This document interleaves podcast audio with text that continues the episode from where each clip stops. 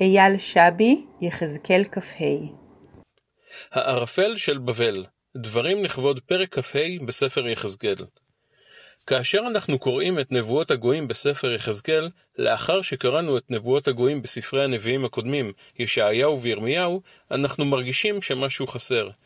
יחזקאל לא חוסך את שבטו, ומנבא נבואות פורענות על עמי הסביבה. אולם בניגוד לשני קודמיו, אינו אומר ולו מילה אחת על ממלכת בבל. מדוע? אפשר לתרץ ולטעון כי יחזקאל התנבא בתוך הגבולות המוניציפליים של ממלכת בבל, ולכן נמנע מלבקר אותה, שמא יבולע לו. אולם, אפשר להביא כדוגמה נגדית את ירמיהו, שלא חשש לנבא את חורבן בבל, גם ביודעו כי הבבלים הציבו כרים סביב לירושלים.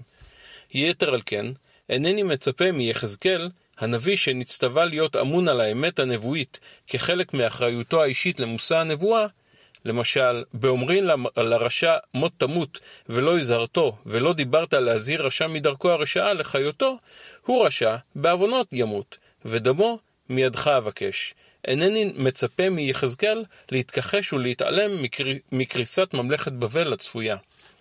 לעניות דעתי, היעדר נבואות פורענות על ממלכת בבל קשורה קשר הדוק למוטיב החוזר בנבואות יחזקאל. האחריות האישית לו היה יחזקאל מנבא על קריסת בבל, הדבר היה עלול להתפרש בעיני שומעיו כי הגאולה תגיע ללא קשר למעשיהם. מכיוון שיחזקאל השאיר את עתידה של בבל לוט בערפל, הוא השאיר לשומעיו את הזכות להיות אחראים על עתידם. דבר אינו מובטח מראש. עלינו לפעול ולחתור אל העתיד אליו אנחנו שואפים. סבילות, פסיביות, תוביל אותנו בהכרח אל העתיד, אך לא בהכרח אל העתיד המועדף עלינו.